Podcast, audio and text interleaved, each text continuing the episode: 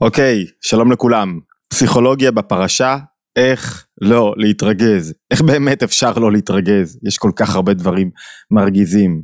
כדי לא להתרגז, או ננסח את זה אחרת, כדי להתרגז, שלושה תנאים צריכים להתקיים. תנאי ראשון, שהדברים שאני מתרגז אודותיהם, ייגעו לי, יהיו משמעותיים עבורי, יהיו שייכים אליי. זאת אומרת, כשהילד של השכנים רץ בבוץ עם הבגדים החדשים שבדיוק קנו לו ההורים שלו, והוא נפל כזה לבוץ כי הוא משחק ולכלך את הבגדים, וההורים שלו מתרכזים עליו, קל לי מאוד להגיד להם, מה אתם מתרכזים? נו, סך הכל ילד. כשהילד שלי רץ עם הבגדים החדשים שאני קניתי לו, ועכשיו הוא נופל לתוך הבוץ, זה, זה כאילו, איך אתה נופל עם הבגדים החדשים שקניתי לך? כשמשהו נוגע לי, הוא מרגיז אותי. כשהוא לא נוגע לי, הוא לא כל כך מרגיז אותי. נקודה שנייה, אני צריך רוגז ורגש. רגש תמיד צריך זולת כדי להתקיים, וכשאני אומר זולת, למדנו את זה דווקא אתמול באריכות בקורס להכיר את מבנה הנפש, כשאני אומר זולת אני מתכוון לא רק לאדם, אלא גם זה יכול להיות מציאות מסוימת, זולת יכול להיות בן זוג ילד, אבל יכול להיות גם מציאות מסוימת, מקום פיזי, יכול להיות זיכרונות עבר ויכול להיות מחשבות אודות העתיד.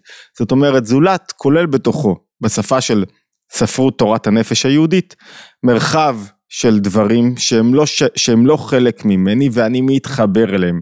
אני יכול להתקשר, לרגוז על משהו שקרה בעבר, איך הדברים קרו ולמה זה קרה כך, ושנים, שנים ללכת עם הרוגז על אותו דבר. זה התנאי השני, שחייב להיות זולת, משהו שאני רוגז עליו. אם אני מעלים את הזולת, אין לי על מה לרגוז, על מה אני רוגז. והתנאי השלישי, כדי להתרגז, זה שמשהו במציאות לא מתרחש כמו שאני רציתי. זאת אומרת, הרצונות שלי והמציאות מתנגשים. אני רציתי שהדברים שהוא יבצע, למה לא עשית כמו שאמרתי לך? למה לא, הדברים לא התנהלו כמו שביקשתי? למה זה, התור לא הולך כמו שרציתי? זאת אומרת, רציתי שמשהו מסוים יקרה, תכננתי שהמציאות תתנהל באופן מסוים, והיא לא. זאת אומרת, מושא הרוגז זה על כך שהמציאות שלי, שאני חשבתי, דמיינתי, רציתי, חפצתי, לא עולה בקנה אחד בהלימה עם המציאות החיצונית, עם מה שבפועל מתרחש, או שנדמה לי שמתרחש. עכשיו, כשאנחנו יודעים את שלושת התנאים ללמה אנחנו מתרגזים, שזו תנועה מאוד טבעית בנפש להתרגז, מאוד טבעי להתרגז, כי טבעי לי שדברים נוגעים, נוגעים אליי, טבעי לי ש... כשדברים נוגעים אליי, טבעים לי שיש מישהו מסוים בעולם שלא מתנהל כמו שאני רציתי, או משהו לא קורה כמו שרציתי, ולכן זה מעורר בי רגש מסוים של גבורה, של כאילו מה קורה לי ברוגז, רוגז הרי זה מעט כמו כעס, זה כעס במינון נמוך, מה קורה לי ברוגז, אני רוצה לשלול את המציאות. של האדם שעליו אני כועס. אני מחזיר אתכם לשיעורים שלנו על כעס, פה אנחנו בתוך פסיכולוגיה בפרשה. זאת אומרת, כדי להבין איך מתגברים על רוגז, ניקח איזה עצה מאוד דומיננטית מאיפה דווקא מפרשת השבוע, פרשת ויגש, מתוך uh, המפגש המעניין, מסתורי, מרגש של יוסף עם אחיו. לפני שנכנסים אני מזכיר למי שעדיין לא רשום לערוץ, אנחנו מאוד שמחים, תירשמו לערוץ, תעשו subscribe, אה, זה כדי לקבל את הסרטונים הבאים, כדי להיות חלק מהערוץ ומהפעילות שבו, בכל יום עולה התבוננות יומית שקשורה לתורת הנפש היהודית עם עצות מעשיות, וכמובן מוזמנים להצטרף ל... קבוצות הוואטסאפ, שם אנחנו מודיעים, קבוצות הוואטסאפ או מייל, מודיעים על אה, התבוננות יומית, אירועים, פעילות, זום, קורסים וכולי. אוקיי, איך לא להתרגז. אז אני רגע רוצה להכניס אתכם לתוך הקונטקסט, הסיטואציה. רגע. יוסף מתוודה אל אחיו. הוא אומר להם אני יוסף, יוצרים את ה... הם מתפעלים, הוא מראה להם, אה, מספר להם את כל הסיפור, הוא מזרז אותם לעלות ארצה, לבשר לאביו את הבשורה הגדולה, ובגלל שיש עוד חמש שנות רעב, יוסף כבר בן 39, הוא אחרי 22 שנה של נתק מהמשפחה, בגלל שיש עוד חמש שנות רעב, הוא שולח אותם עם עמוסי מתנות להגיע אל, אל אביו, ולהביא אותו יחד למצרים. זה פחות או יותר הסיפור בקצרה. אולי את הפסוק מה, מהפרשה עצמה, פרשת ויגש, כך הולך. לכולם נתן איש חליפות, שמלות, ולבנימין נתן 300 כסף ו-500 חליפות שמלות, ולאביו שלח כזאת עשרה חמורים נושאים מטוב מצרים, ועשר אתונות נושאות בר ולחם ומזון. וישלח את אחיו וילכו ויאמר אליהם. פה כל השיחה שלנו. ויאמר אליהם אל תרגזו בדרך. הוא שולח אותם עמוסי מתנות ממצרים לארץ ישראל. הם כבר מכירים את הדרך אני מזכיר לכם. הם הלכו בה כמה פעמים. והם חוזרים ממצרים לארץ ישראל ויעלו ממצרים ויבואו ארץ כנען אל יעקב אביהם ויגידו לו לאמור עוד יוסף חי. והוא לא מאמין להם והם מוכיחים לו כאן הסיפור מתמשך ומכאן מתחילה בעצם גלות מצרים, הולכים לארץ ישראל כדי להגיע למצרים. הסיפור שלנו הוא, מה זאת אומרת אל תרגזו בדרך? איזה מין עצה זאת? אתה שולח את מישהו ביקר אצלך, אתה שולח אותו ואתה אומר לו אל תתרגז, אל תהיה עצבני בדרך, מה הרעיון של העצה הזאת? איך אני לא אתרגז? על מה אני צריך להתרגז? בואו נתחיל להיכנס לתוך מגוון של פרשנויות ונבין איך לא מתרגזים. אבן עזרא אומר ככה, אומר, על מה יש להם להתרגז? טעם לא תרגזו שיכעס איש על אחיו בעבור מכירתו. פתאום הסיפור נפתר, סגרו מעגל, מצאו את יוסף. עכשיו הם מתרכזים על שלפני עשרים ומשהו שנה הם זרקו אותו לתוך הבור, ואחד אומר לשני לא, אתה אשם, אתה אשם, אתה אשם. מה יוסף אומר להם? הרי יש פה עכשיו את מי להאשים, יש משהו שנוגע להם, הזכירו להם זיכרון עבר, יש נקודה משמעותית ש, ש, שיש על מה להתרגז עכשיו, איך עשית את זה, איך לפני 22 שנה, אני מכיר אנשים שחלפו שנים ארוכות, ועדיין הם מתרכזים על דברים שמישהו אמר להם לפני פו, כמה שנים, איך, זה עדיין נוגע לו בעצם הנפש, זה עדיין שייך אליו, זה עדיין משפיע עליו, ויש זולת כלפיו להתרגז, שצריך להתרגז, ודברים קרו לא כמו שרצינו, ואני מזכיר לכם, כמה פסוקים קודם לכן, יוסף מרגיע את האחים, שהם עכשיו מתחילים להתרגז ואומר להם, ואתה לא אתם שילחתם, שלחתם אותי. הנה כי האלוקים, זאת אומרת, הוא אומר להם משפט מונומנטלי שצריך להיחרט בתוך ראשו של כל אדם. לא אתם שלחתם אותי למצרים, נכון שאתם עשיתם את הפעולה בפועל, אבל זה לא הייתם אתם. מי זה היה? האלוקים שלח אותי לכאן, כדי שאני אעבור את מה שאני אעבור, אני אתפתח ויהפוך למשביר לכל הארץ, ליוסף, ששולט בכל ארץ מצרים ועל פיו יישק דבר. זאת אומרת, זו מזימה, זו סליחה, זו תוכנית, זו תוכנית שתוכננה מראש, אם אני הולך בדרך שלה. אז, אז תסירו את האחריות, למה אתם מלקים את עצמכם? איך אני לא מתרגז? כשאני לא חושב שיש איזו מציאות מסוימת, שאני צריך לשלוט בה. המציאות מתוכננת כדי שאני אוכל לגלות בה את הכוחות שלי. ויותר מכך, מה עושה להם יוסף? לוקח להם את הזולת כדי לרגוז עליו. אל תרגזו אחד על השני, זה לא אתם.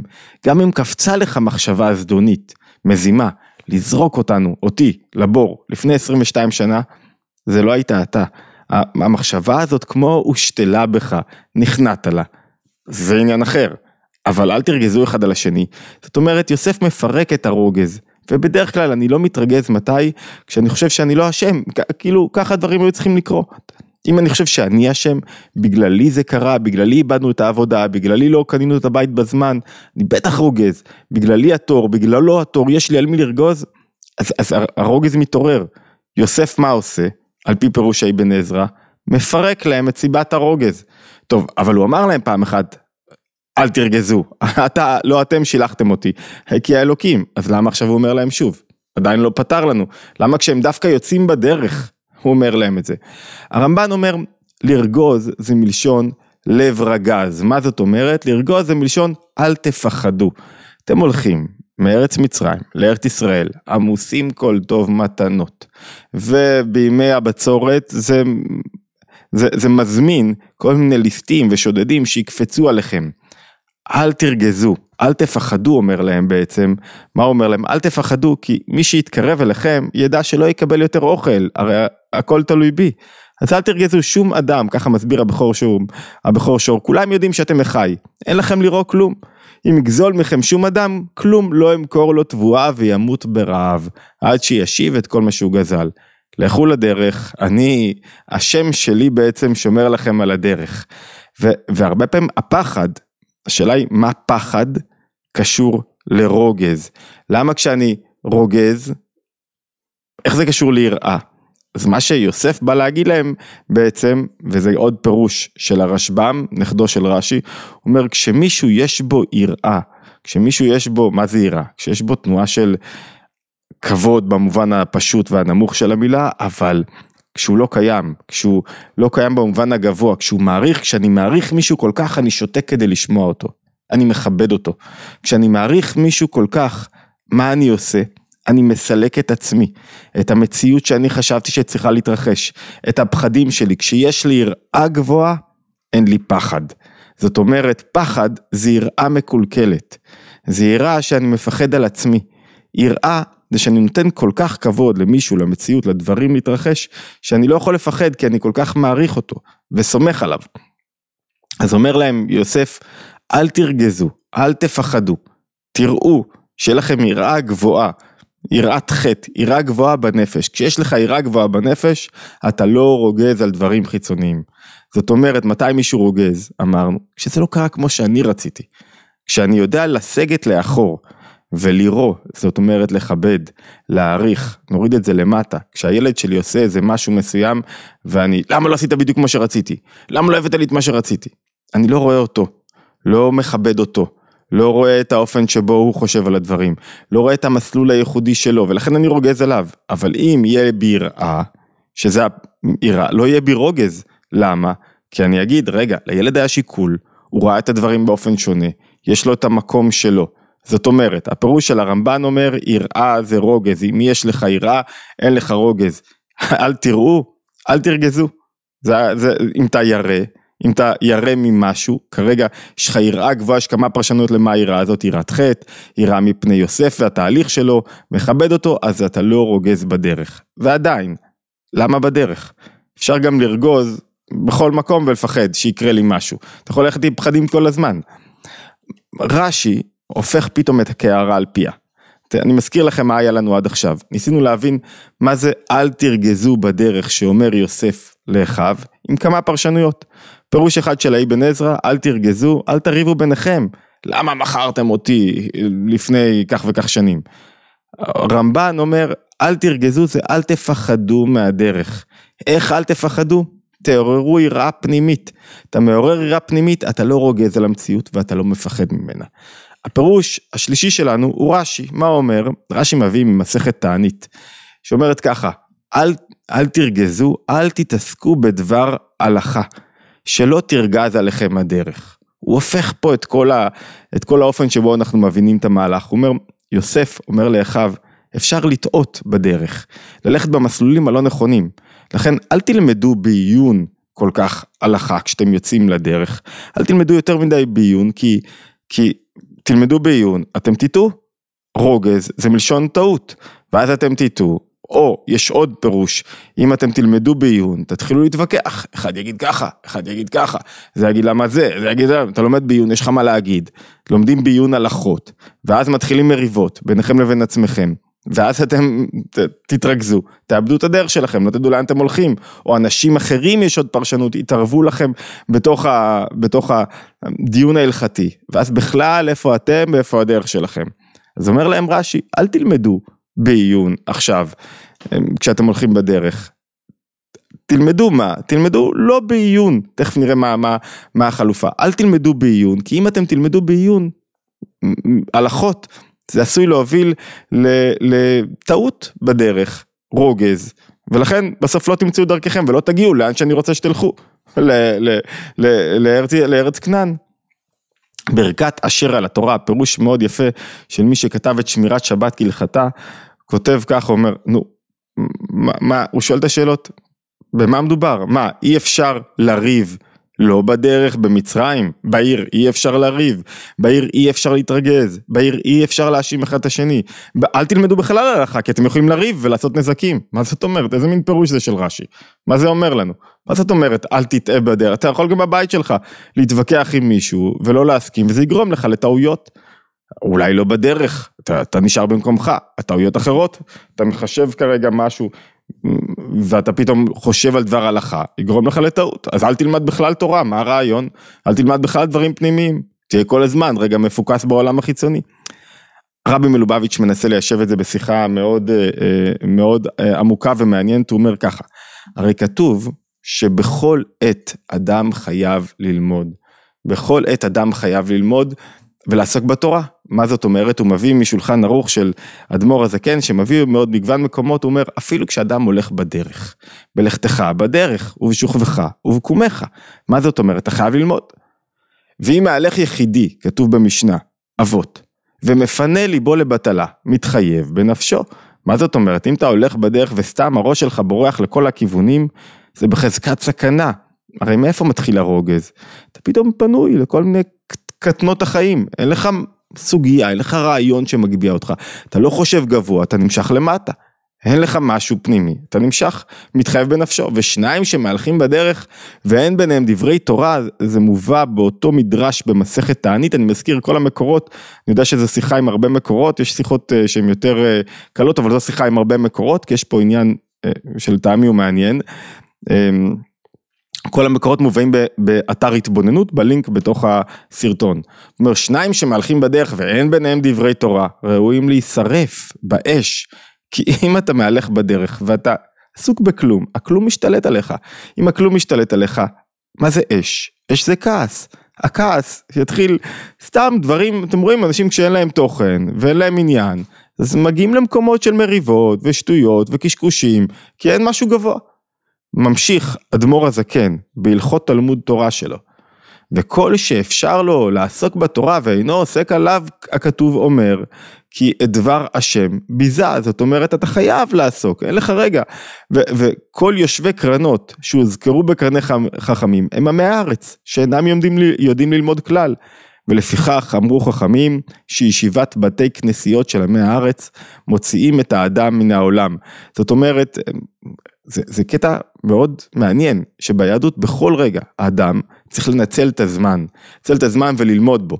ואם יש רגע אחד שאדם לא לומד, כאילו אז הוא אומר שדבר השם, שהתוכן, לא חשוב בעיניו. ואז הוא מתלוצץ כאילו מדברי התורה. אין לו ערך.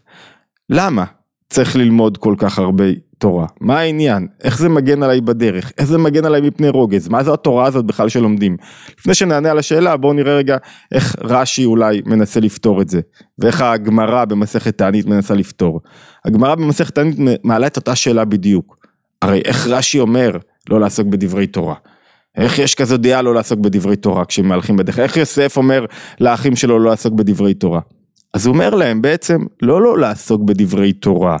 לא לעסוק בדברי תורה, יש שתי דרכים ללמוד. דרך אחת נקרא עיונה, ודרך אחת נקראת גירסה. עיונה זה שאני מעמיק בדבר, מנצל את כוחות השכל שלי, את החוכמה, בינה ודעת שלי. ממש מנסה לתפוס את העניין. גירסה זה שאני, אתם יודעים, כאילו, את הדברים היותר קלים. כשאני עייף אני לומד גירסה, כזה ככה מסביב, זה נקרא בשפת החסידות חיצוניות החוכמה או פנימיות החוכמה.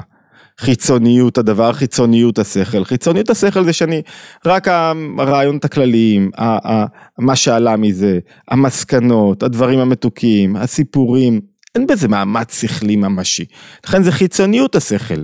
לעומת פנימיות השכל זה המאמץ השכלי העמוק שאני משקיע כדי להבין סוגיה, המאמץ הגדול הזה. אז אומרת הגמרא ככה, אומרת, לא קשיא, אין פה, אין פה קושי, אין פה סוגיה. רש"י אמר להם, זאת אומרת רש"י מבאר שיוסף אומר, לה, כמובן שהרש"י הרבה אחרי הגמרא, יוסף מבאר, לה, לה, אומר לאחים שלו, תלמדו תורה, חובה, ודאי, חייבים ללמוד תורה, אלא מה? אל תעסקו בתורה לעיונה, רק בגירסה. זאת אומרת, אל תעמיקו עם כל השכל שלכם, כי זה ממש גורר טעויות בדרך. זה דורש ממני את כל המיקוד, כל הריכוז, ואין עולם מסביבי. תעסקו רק בצורה כללית. ת, ת, ת, תגרסו, אני יודע, תגידו תהילים, תגידו משהו. אל תהיו, אתם חייבים שיהיה דבר תורה על פיכם, אל תהיו ריקים, אל תיכנס, שלא ייכנסו דברים בטלים, אבל לא עיון מעמיק. הרבי מלובביץ' פוס... דוחה את, ה, את היישוב הזה של הסתירה. הוא אומר, יש הלכה של אדמו"ר הזקן בשולחן ערוך, שאומרת ככה, לעולם יעסוק גם בדרך אדם בתורה. ולא יעסוק בעיון הלכה, נכון? אל תעסוק בעיון לגמרי, מה שאמרנו עד עכשיו. אבל אם מישהו אחר נוהג בעגלה ומנהיג את הסוסים שלו, אם מישהו אחר עכשיו, אתה רק יושב לידו, ודאי שאתה חייב ללמוד.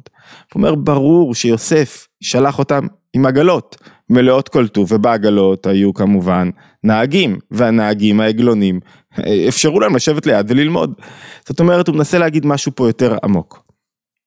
מה הכוונה ללמוד? מה הכוונה ללמוד תורה? למה אתה לומד? יש לך כמה היבטים של לימוד. בהיבטים, בכמה היבטים יש היבט אחד שהוא חיצוני, התקשרות חיצונית. אני שייך לעניין. ההתקשרות החיצונית לא מייצרת בי עדיין שינוי. מה זאת אומרת? זה, זה שינוי קליל כזה, זה, הרבה אנשים שואלים, רגע, למה אני לומד, לומד, לומד, ולומד דברים פנימיים, ולא משתנה, לא מתפתח, לא צומח? למה? כי הלימוד הוא רק גירסה, הוא רק כללי כזה, הוא לא ממש לימוד שאתה הבאת את עצמך, פירקת את עצמך מול העניין, התמודדת בו. ויש לימוד שהוא פנימי, שמשנה את האדם. למה הוא משנה את האדם? מה זה תורה במילה אחת? תורה זה שכלו של הבורא. מה זה שכלו של הבורא? איך שהוא רוצה שתחשוב. איך נכון לחשוב, איך נכון לראות את החיים, איך נכון לראות את המציאות, איזה משקפיים אתה צריך להרכיב על המציאות, מתי לרגוז, מתי לא. מה עושה האדם כשהוא לומד עיונה? הוא מתאחד לגמרי עם הרעיון של איך צריך לחיות, והוא משנה את עצמו בעצם, הוא משנה את הטבע שלו. באותו רגע של הלימוד, הוא יוצא מתוך עצמו. אני לא אותו יחיאל קפדן, כעסן ונורא להיות לידו, אני יחיאל עכשיו שהוא בזון אחר, במרחב אחר. ולכן, אומר פירוש הרבי על, ה, על הדברים של יוסף לאחיו, אומר להם, לא, הפוך, יש מדרש שאומר, אל תרגזו, אל תפסיקו מדבר ההלכה. שלא יהיה הפסק בינך לבין הלימוד, שתהיה דבר אחד. למה? מה עושה הלימוד? כל הדרכים הם בחזקת סכנה. הלימוד מגן עליך. כשמישהו עכשיו בתוך העולם, אז התוהו שולט בו, והרוגז, ומה עשו לו. וכשאני לומד, אני פתאום מתחבר למציאות אחרת, אני משתנה בעצמי, אני רואה את העולם באופן אחר. כל מי שנכנס לתוך זירה של שעה לימוד, הוא פתאום חווה איזה חוויה של וואו. זה כמו סרט, מה עושה לנו סרט? סרט שהוא, הראייה היא מאוד פסיבית, מוציא אותי למציאות אחרת. לימוד, תוך כדי עבודה אקטיבית, שזה לימוד עיוני, מוציא אותי למציאות אחרת, מגביה אותי. ואז אני אומר לעצמי, לקחתי את שלושת הסיבות שבגללם אני צריך לכעוס, שהם הגורמים לכעס או לרוגז. אחד, אני פתאום רואה את המציאות באופן שונה. אין לי את מי להאשים. אני יודע שכל מה שנברא עבורי הוא ייחודי עבורי, והוא ייחודי עבור הצמיחה שלי. אין לי, אני, אני מבין את המציאות באופן הפנימי שלה. העיון המעמיק הופך אותי לאחד עם הדבר. שתיים, אין לי באמת זולת, אני, על, על מי אני אכעס? אני יודע שייצרו לי את הרגע הזה כדי שאני אצמח, אז על מה אני אכעס עליו? ו, ו, ושלוש, אני מבין שמה זה השייכות שלי. לא פגעו בי, כאילו מה שנראה לי פגעו בי, מי שאמרה לי, ההורים שלי נתנו לי הרבה פחות מהאחים ולכן אני מאוד רוגזת עליהם. ברגע שאתה מבין שזה לא ההורים שלך שנותנים לך, זה לא הם, נכון שהם נותנים, אבל המציאות הסתובבה כך שלאחים שלך נתנו יותר, אבל את לא חסרה. לך יש בדיוק מה שאת צריכה, וכל התנאים הם מדויקים עבורך כדי שתעשי את מה שאת צריכה. כשאני לא חושב שדפקו אותי ואכלו לי, ו... וכדי להבין את זה, כדי להבין את זה ולא לרגוז, אני חייב מה? אני חייב להבין, לראות את המציאות באופן אחר. איך אני יכול לראות את המציאות באופן אחר? רק אם אני לומד. רק אם יש לי סוגיות שמרוממות אותי, רק אם יש לי תובנות אחרות, רק אם אני משקיע זמן ואנרגיה ומאמץ בלימוד. אי אפשר לצאת לספורט ולא לצאת ללימוד, אין כזה דבר שלו.